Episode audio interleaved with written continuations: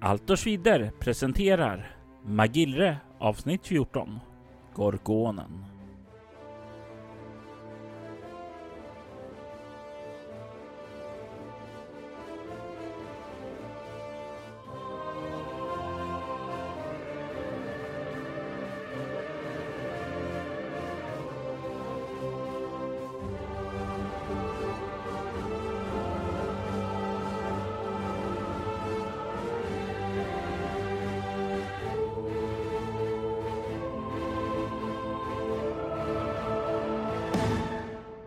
Efrons göl sägs vara hem för diverse hemskheter. Det sägs att det ska finnas varelser här som kan sprida skräck, förgifta, döda, mörda, plåga de som irrar sig in här. Det sägs att det ska finnas ruiner till gamla platser. Platser som görs bäst i att lämnas ostörda. Det här var bara rykten. Rykten som Sanko inte kände till när han begav sig in hit. Hans nyfikenhet när han fann ruinerna av en fästning här som halvt sjönk ned i träsket fick honom att ta sig in och börja undersöka det. Han tog sig ner till en festsal med färsk mat uppdukat Mat som var nog för den värsta festmåltid för de statyer som var här. Det var inte statyerna som fångade hans uppmärksamhet. Det var tavlorna. Tavlorna som hade ett tema i sig. Den lysande vägen. En lysande väg i både vackra och mörka platser. Det är med insikten om vem konstnären är profeten Odo som Sanko stod där andaktigt och tog in det här. Och det är i det ögonblicket som han hör uppe på övervåningen hur en dörr öppnas och någon verkar vara på väg ut. Vad går igenom ditt huvud när du hör det här Sanko? Min tanke gör nog ett tankehopp. Eh, han tänker på någonting som en tiggare berättade för honom eh, i samband med att han anlände till Moril de Las för månader sedan. Om en, ja, ett skyddshelgon som hade sänkt byggnader i vatten eh, och värnade om naturen. Eh, en sån här konstig plats skulle mycket väl kunna tillhöra en sån mäktig trollkarl, varelse. Var det Rys han hade kallats? Men nej, nej, det, jag slits nog mellan påhitt, fantasi eller om jag fortfarande, att det, allt det här är en dröm. Jag hör någon komma, men jag är i en festsal full med människor. Jag tänker nog att instinktivt att försöka gömma sig men utan att, ja, hålla låg profil. Jag vill inte bli sedd direkt. Jag vill se vem det är eller vad det är som kommer innan den ser mig. Slå ett slag för gömma sig. En fyra. Jag har sex så att det är inte världens bästa gömställe men jag lyckas. Du finner ett ganska bra gömställe här nere. Det finns ju rätt många bakom statyer, under bord, utstickande bjälkar och sådant där. Var är det någonstans du gömmer dig för att ha en bra sikt uppåt när den här varelsen kommer? Jag tänker nog att eh, nästan gömma sig bland statyerna. Försöka stå så stilla som möjligt. Eh, lite halvskymd utav andra. Du kan ta skydd bakom vad som verkar vara ett par. Ett ungt sådant. De står där och håller om varandra och verkar omfamnade i en djup kyss. Du hör de här fotstegen komma närmare. Kliver ut på balustraden och det första du skymtar är en vit klänning på den här personen. En vit klänning som är färgad av röda stänk på sig. Du kan se hur hennes händer lägger sig uppe på balustradens räcke. Du kan se där att hennes händer verkar se ut att vara gjorda av brons. Du kan se när dina ögon vandrar lite uppåt hur hennes gyllene vingar är halvt uppfällda och i nästa ögonblick ser du ansiktet för en kort stund.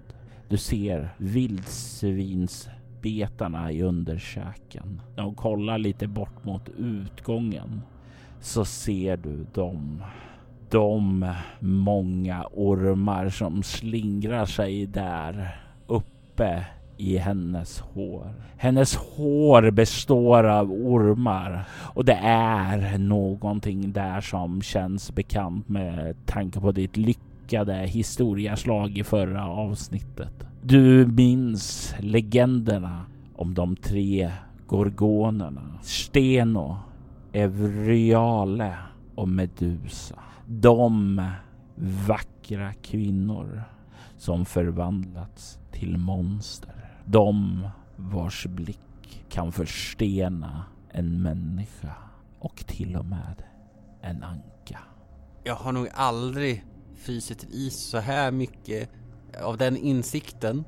Jag försöker bara stå så still som möjligt. Absolut inte titta.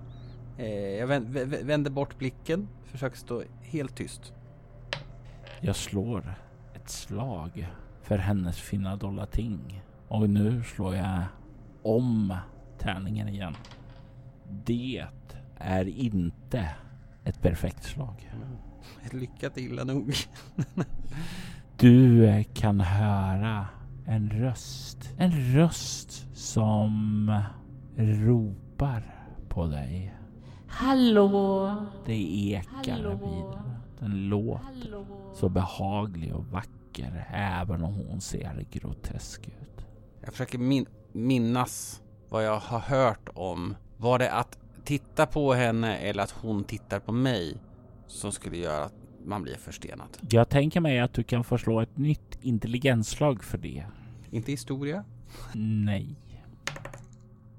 Jag lyckas eh, med fem i marginal. Du tror att om myten stämmer så var det inte att hon tittade på dig utan att du tittade in i hennes ögon. Och sa myten någonting om ifall hon var ondskefull? Det, det, det var kvinnor som hade vanställts eller förvandlats till dessa groteska varelser. De ska ha varit vackra en gång i tiden, men varför de blev förvandlade, det finns ingen eh, klar eh, förklaring till det. En del menar att det var ett straff av gudarna. Andra menade att de eh, ägnade sig åt förbjuden kunskap. En del säger att det är monster som har besatt dem, att demoner från andra kretsar tagit över dem. Ståendes tätt intill vad som jag antar nu är hennes tidigare offer så hjälper det nog mig att stålsätta mig mot att svara på hennes lockrop. Eh, om jag nu har ett viktigt syfte att förverkliga i framtiden så kan jag inte förvandlas till, till ännu en stenstod här. Jag måste stålsätta mig. Jag väljer att inte göra något ljud ifrån mig när hon kallar. Eh... Jag kan höra dig där nerifrån. Snälla, jag vill dig inget ont. Kom ned, kom fram, så kan vi tala om det här. Och det är någonting i hennes röst som är hypnotisk lockande. Någonting som får dig att vilja lyda. Och för att motstå frestelsen så vill jag att du klarar ett intslag. Och eh, med din beskrivning tidigare så tänker jag ge dig CL plus 2. Det var ju tur att jag hade CL plus 2 för annars hade jag misslyckats. Eh, jag har ju 16 intelligens, eh, slår 17 men med CL plus 2 så har jag 1 i differens. Jag hade ju önskat en större differens. Men det är nog för att stå emot det. För stunden i alla fall. Men snälla, jag vill dig inget ont.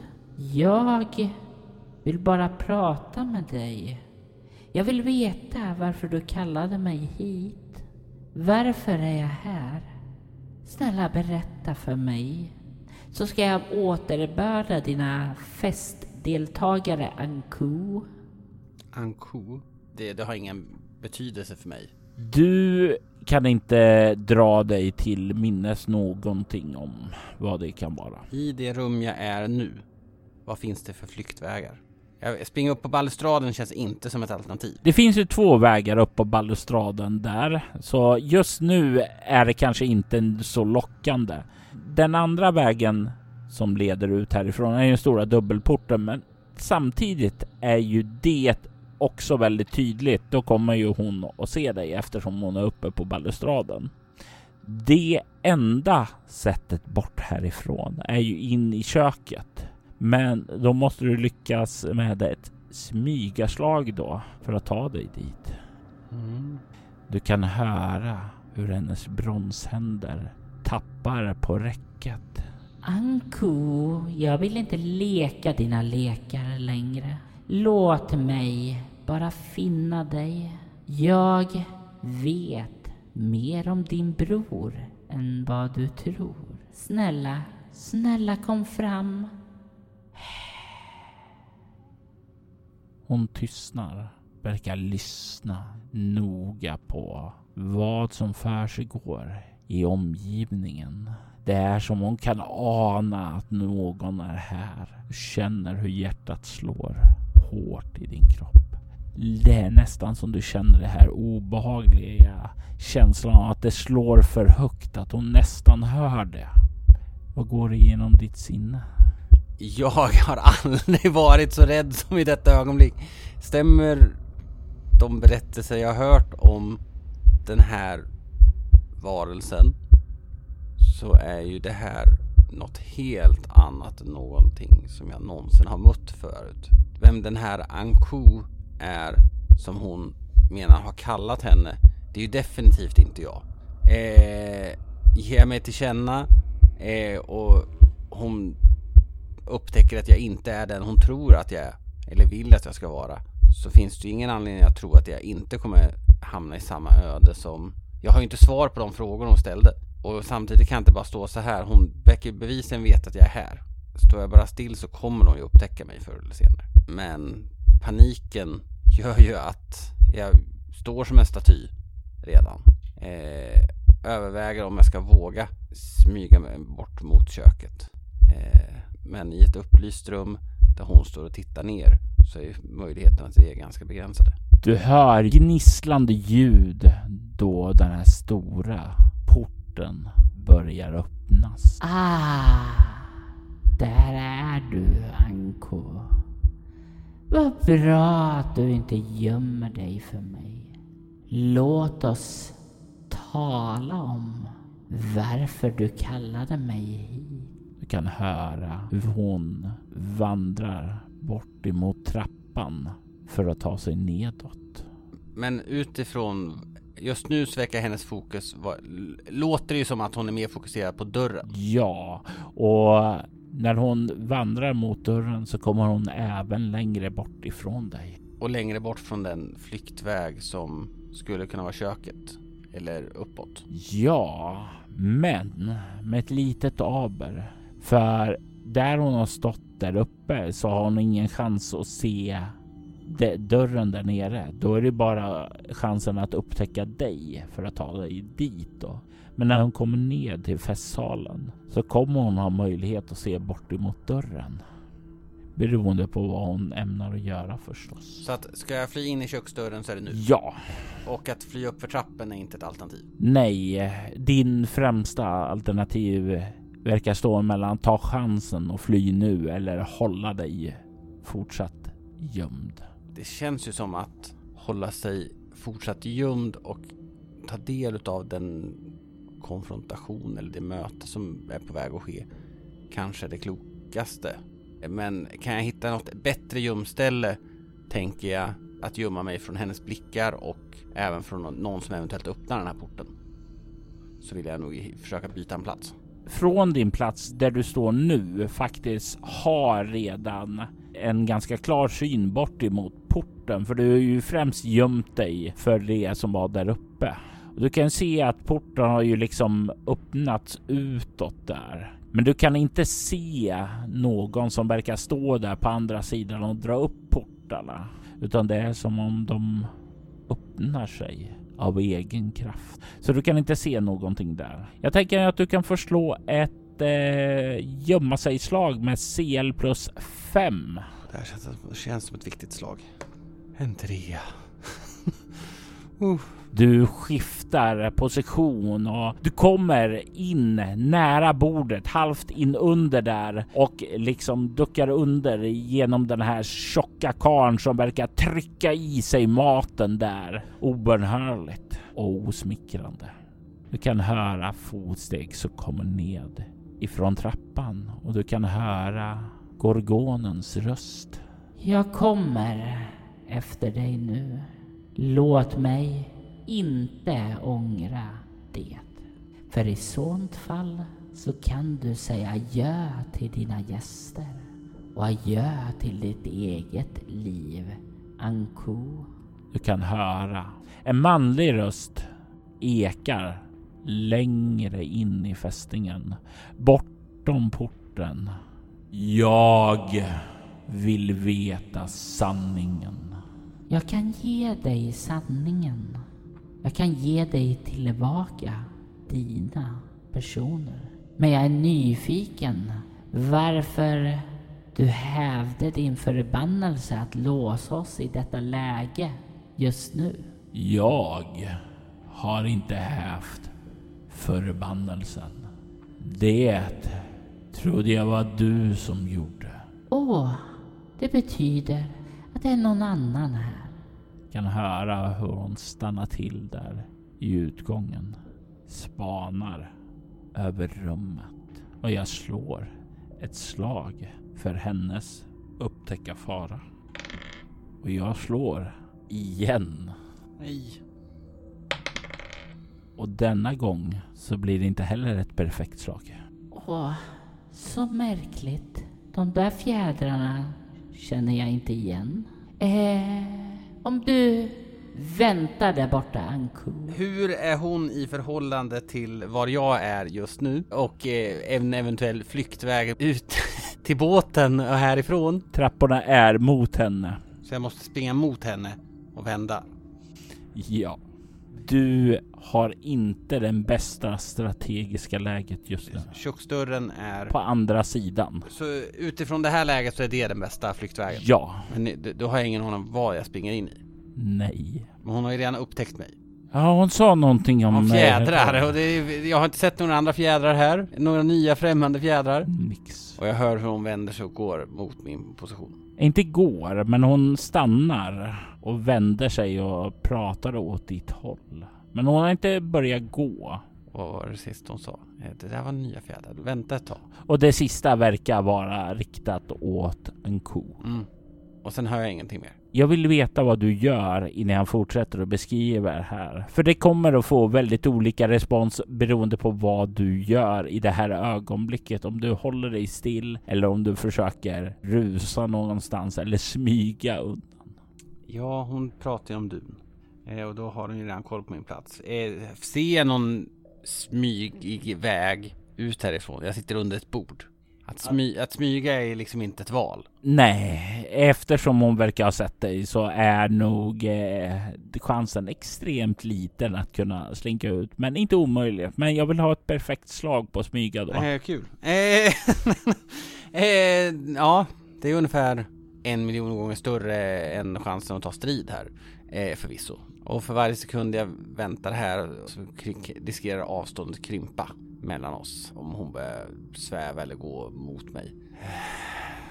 Du sitter där nästan faststelnad. Det var om jag såg i hennes blick som jag blev förstenad enligt vad jag tror. Eller vad de gamla barndomsberättelserna du hörde sa. Jag ser bara ett sätt att överleva den här situationen.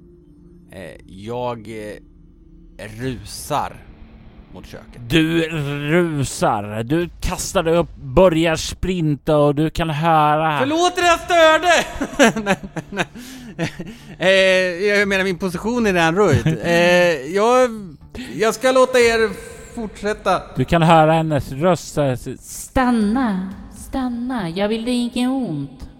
och du hör hennes röst där. Återigen. Och det är ett nytt intelligensslag och nu tar du ingen CL plus två för nu är det i full panik. jag slår 16 och har 16 i intelligens. Så att eh, det är inte någon mycket i marginal heller, men det är lyckat. Men ja, Du rusar fram. Vad har du i förflyttning? eh, L9 har jag. Det är ju saktare än en vanlig människa. Och Gorgonen är inte en vanlig människa. I alla fall inte då hon använder sina vingar. Du hör vingslag bakom dig. Du rusar upp, hoppar över andra sidan av bordet, kommer ut där, börjar springa mot den här dörren. Du börjar komma närmare. Du ser den, bara pressa lite till.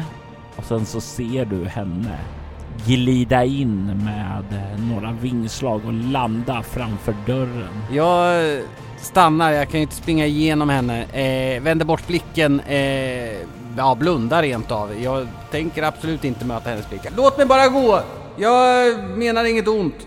Låt mig bara komma härifrån. Vem är du som har tagit dig in hit och hävt den förbannelse som har hållit mig fängslad här? Mitt namn är Sanko och jag råkade bege mig in i träsket och eh, ja, min nyfikenhet. Jag letar efter Cabrinci-prästerna eh, för att återbörda en sak till dem. Det säger mig absolut ingenting. Nej, jag, jag, jag förstår att eh, du och den här Anku eh, befinner er på en helt annan skala än, eh, eh, än lilla jag. Eh, ni är ju mäktiga, nästan till gudomliga väsen eh, säkert. Och jag, det sista jag vill är att lägga mig i ert spel eller ert, eran relation. Jag vill, jag vill bara komma härifrån med liv och, och göra det som mitt öde säger mig. Vad vet du om ditt öde? Det är det jag håller på att eh, utröna. Jag har precis blivit varse att eh, jag ska ställas mot någonting. Jaga efter någonting för att ställa världen i, i ordning. Eller det är i alla fall vad jag tror. Men det är som sagt, det är säkert små saker i, i ögonen på, på, på, en, på en av dig eller dina systrar. Jag känner dina trådar vara tät knuten till väven. Gudarna har ett syfte för dig. Det kan jag känna att gudarna har. Men ska jag verkligen låta gudarna få som de vill efter vad de gjorde mot mig och min värld? Jag vet inte. Men du kanske har ett skäl att jag inte ska se till att judarnas plan hävs. Ett skäl så gott som något är väl kanske att min närvaro här bröt den förbannelse du vilar under. Eh, att, att, att, låta mig leva kanske kan... Jag, jag är ju som sagt en obetydlig varelse i jämförelse med, med er, men eh, jag, jag, jag, hjälpte er ändå bort från den fängsel... Om jag har förstått det rätt. Även om det var eh, ja, av en slump.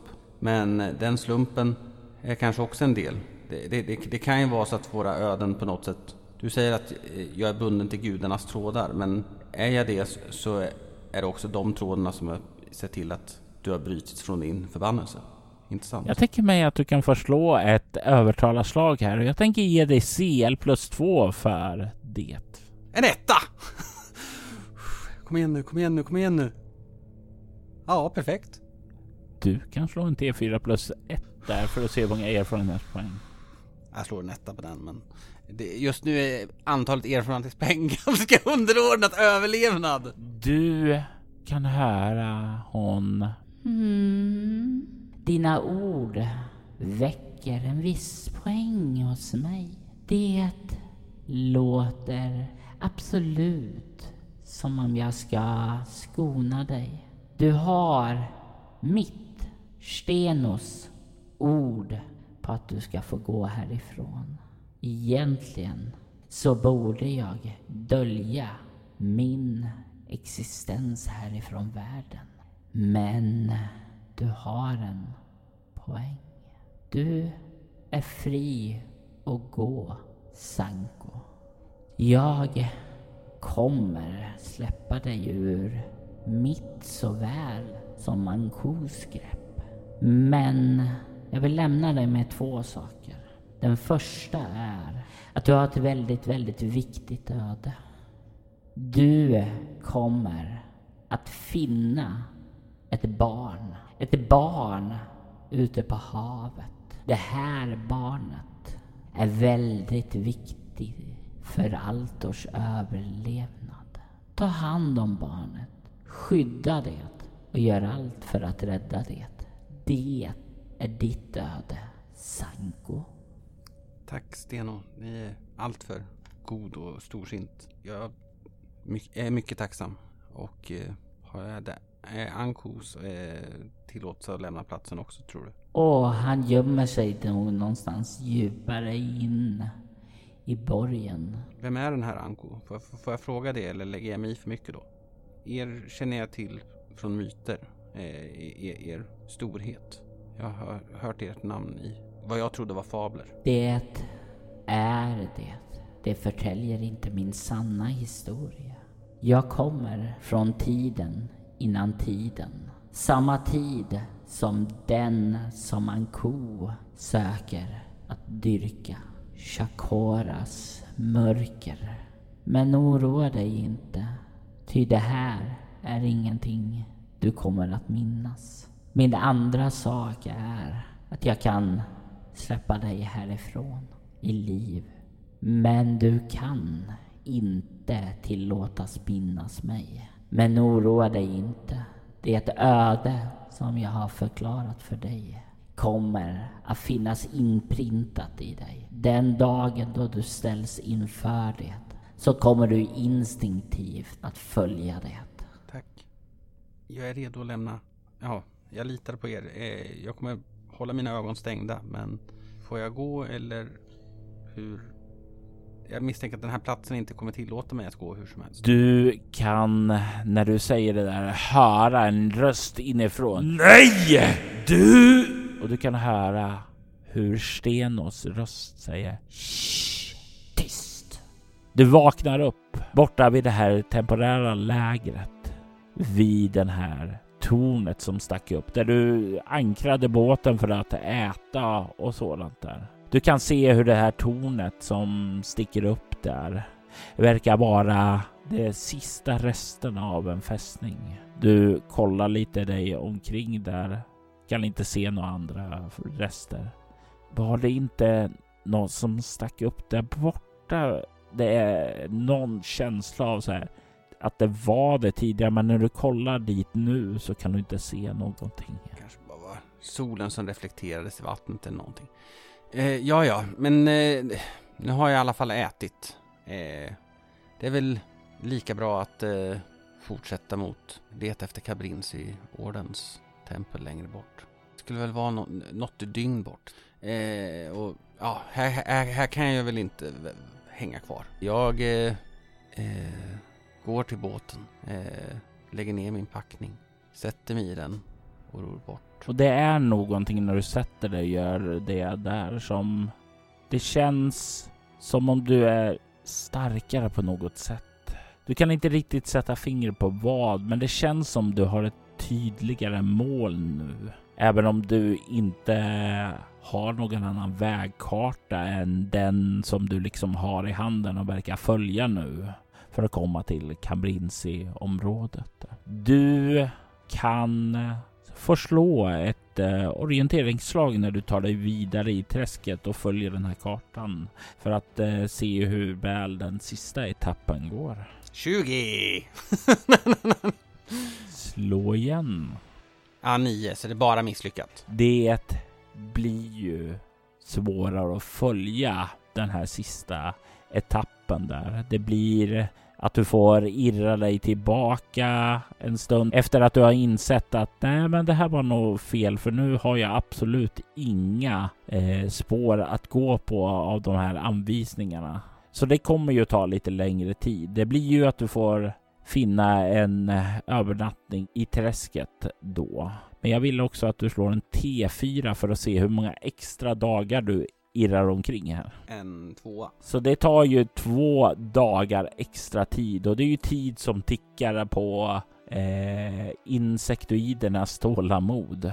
Du kan ju på den tredje dagen se hur träsket börjar öppna upp sig och du kan se en klippig halvö som verkar helt omgärdad av träsket. Du kan se där att det verkar bestå av idel tempelbyggnad och kloster där som är byggt där. Och du kan se att det är byggt mot klippor så det är ju på olika nivåer där. Det eh, verkar inte finnas några direkta gator där, men du kan ju se hur det går flera stentrappor upp mellan de här olika nivåerna där. Du kan se hur det går omkring munkar där. Verkar, eh, en del verkar kontemplera över saker. De andra verkar gå omkring på väg mot olika platser. Det är en väldigt lugn, harmonisk atmosfär här över. Det är munkar som är klädda i gråa kåpor och de eh, verkar alla ha trästavar som är av ett väldigt mörkt träslag som de vandrar med. Det är ju någon typ av eh, gemensam klädkodex här för alla. Kan se en liten pir där det finns plats att lägga till ekor. Det verkar vara plats för fyra ekor varav två finns bundna vid den här bryggan. Jag eh, ser ju ingen anledning egentligen att hålla låg profil utan eh, jag ror väl mot eh, piren. Eh, tittar någon åt mitt håll så, så vinkar jag.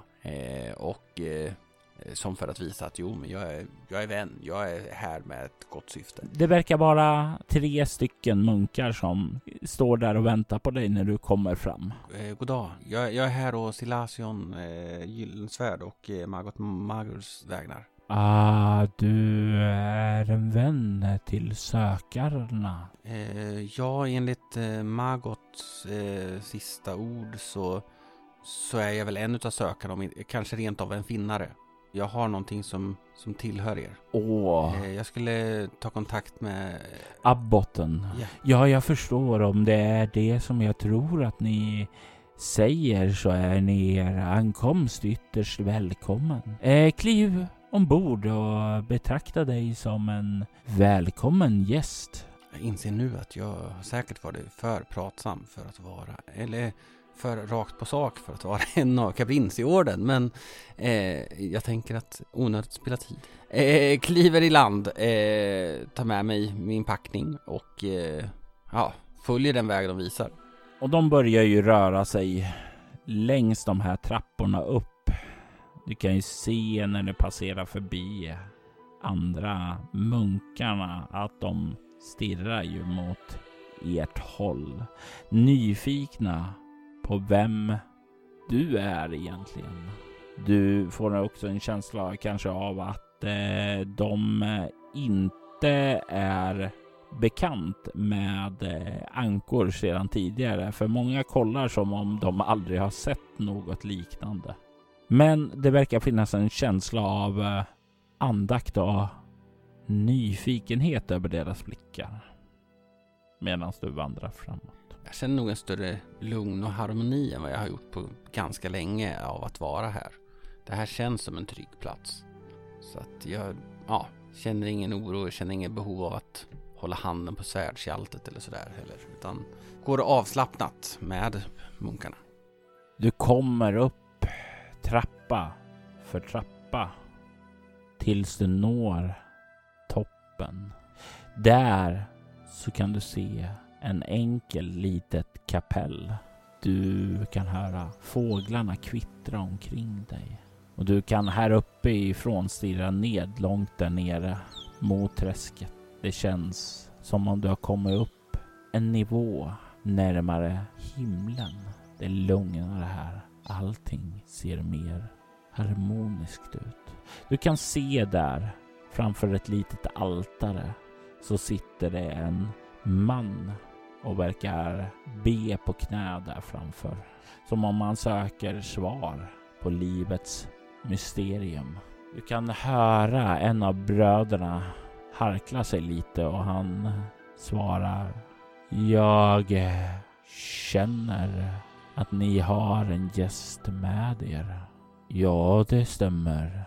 Han är en nybliven sökare som säger att han är en finnare. Åh, Jag förstår. Ni kan lämna oss nu. Han vänder sig om och börjar röra sig ned. Du kan se hur de här tre munkarna vänder sig om och börjar gå nedåt. Samtidigt som han reser sig upp och vänder sig om emot dig. Det är en gammal man. Långt gråvitt skägg som är lite så här krulligt och ovårdat. Som om det har fått växa fritt medan den här mannen har kontemplerat över livets djupare mysterium. Han kollar mot dig och säger Välkommen till vår enkla bostad. Tack. Silasion Gyllensvärd och Magot Magul sände mig på vägen och jag tror jag har funnit det ni sökte. I sån fall bär ni med er goda nyheter.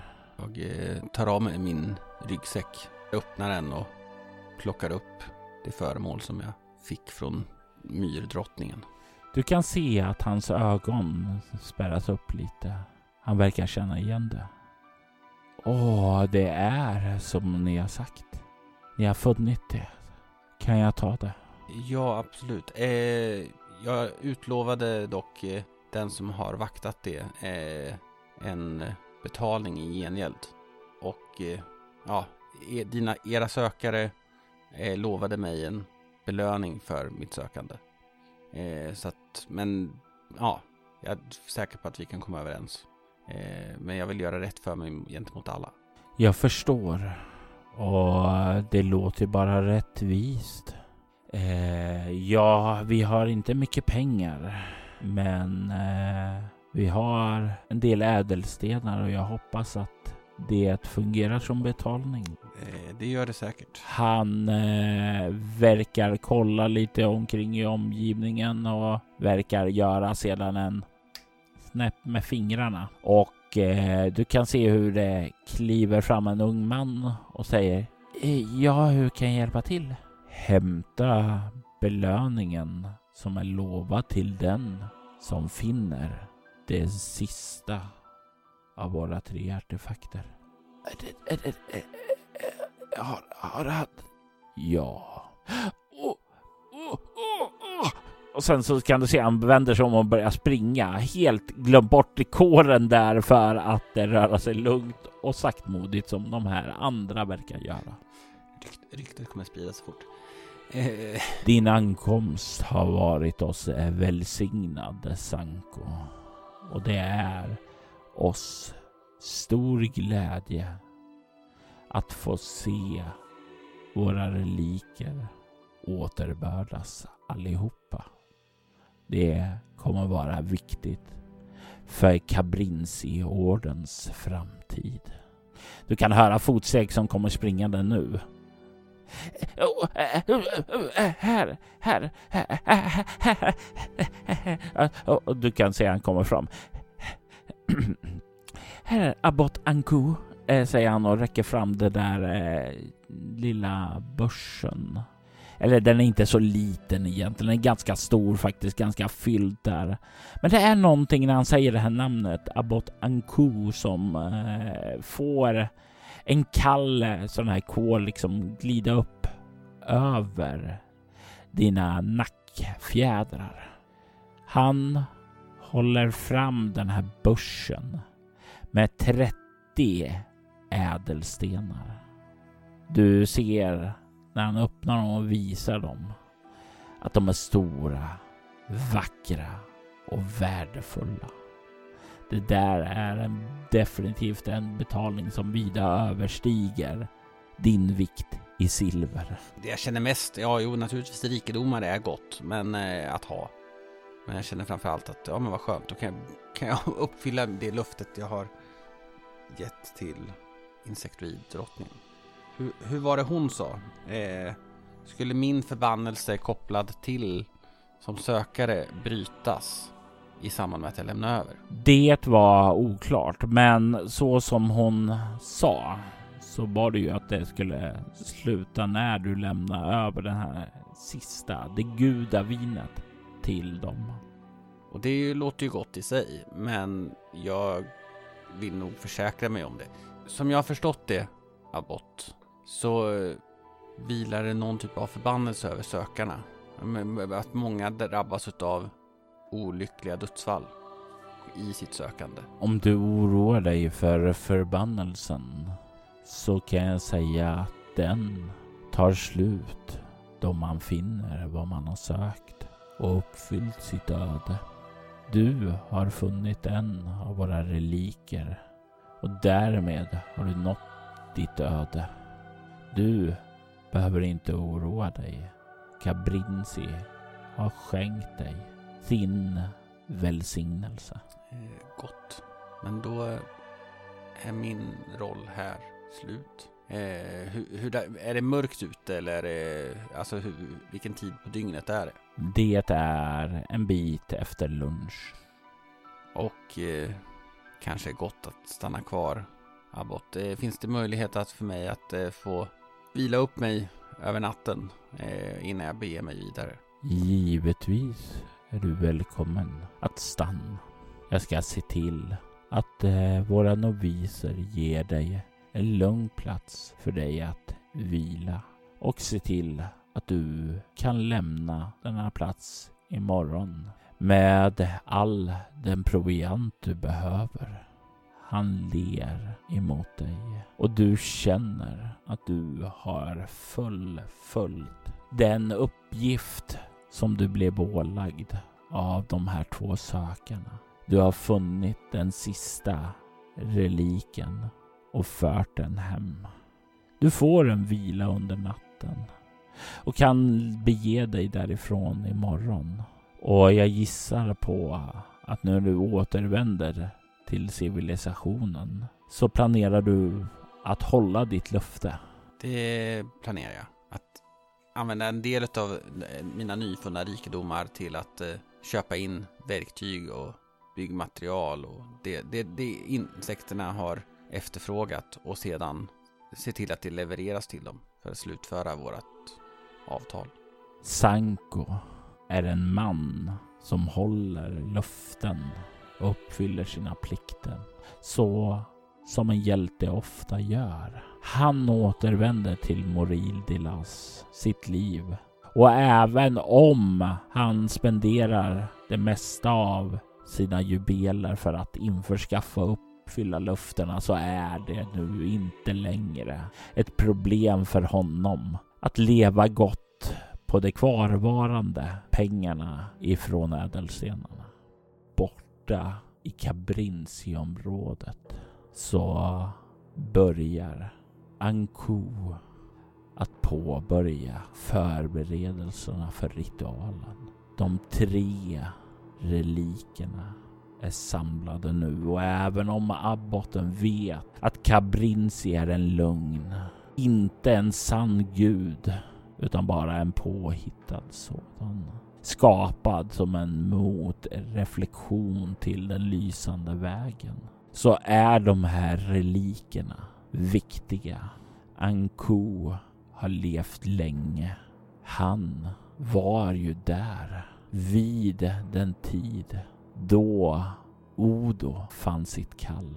Han var där då han blev upptäckt i den där grottan när han utförde sina första riter, sina första tafatta klumpiga riter. Han var så okunnig då, men nu med Cabrinciordens reliker skulle de första stegen kunna tas. I detta avsnitt har vi Jimmy Jonsson som riddaren Sanko Anka och spelledare var Robert Jonsson som även stod för klippning och ljudläggning. Magiller är en bok som skrevs av Theodor Powers och gavs ut 1991. I detta avsnitt spelar vi äventyret Den sjunkna fästningen skrivet av Robert Jonsson 2023 samt Theodor Powers äventyr Det heliga gudabinnet som fanns i Magillreboken. Altors Widders temamusik gjordes av Andreas Lundström. Övrig musik gjordes av Aski Alfax One, Nicolas Jodi, Ovd Kri, Tabletop Audio samt copyrightfri musik. Söker du efter fler poddar i liknande stil som Altors Schwider rekommenderar vi soloäventyret och dess många berättelser. Du hittar mer information om dem på bortom.nu. Du kan följa oss på Instagram och Facebook som Altersvidder eller Spela Bortom. Det går även bra att mejla oss på info.bortom.nu.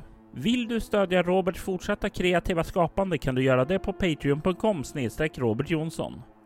De som backar får tillgång till exklusiva poddar och rollspelsmaterial. Jag är Robert Jonsson. Tack för att du har lyssnat. Vi vill ta tillfället i akt att tacka, hylla och hedra våra Patreon-backare. Fredrik Derefelt, Daniel Lantz, Ty Nilsson, Marcus Florberger, Niklas Österlund och Morgan Kullberg. Ert stöd är djupt uppskattat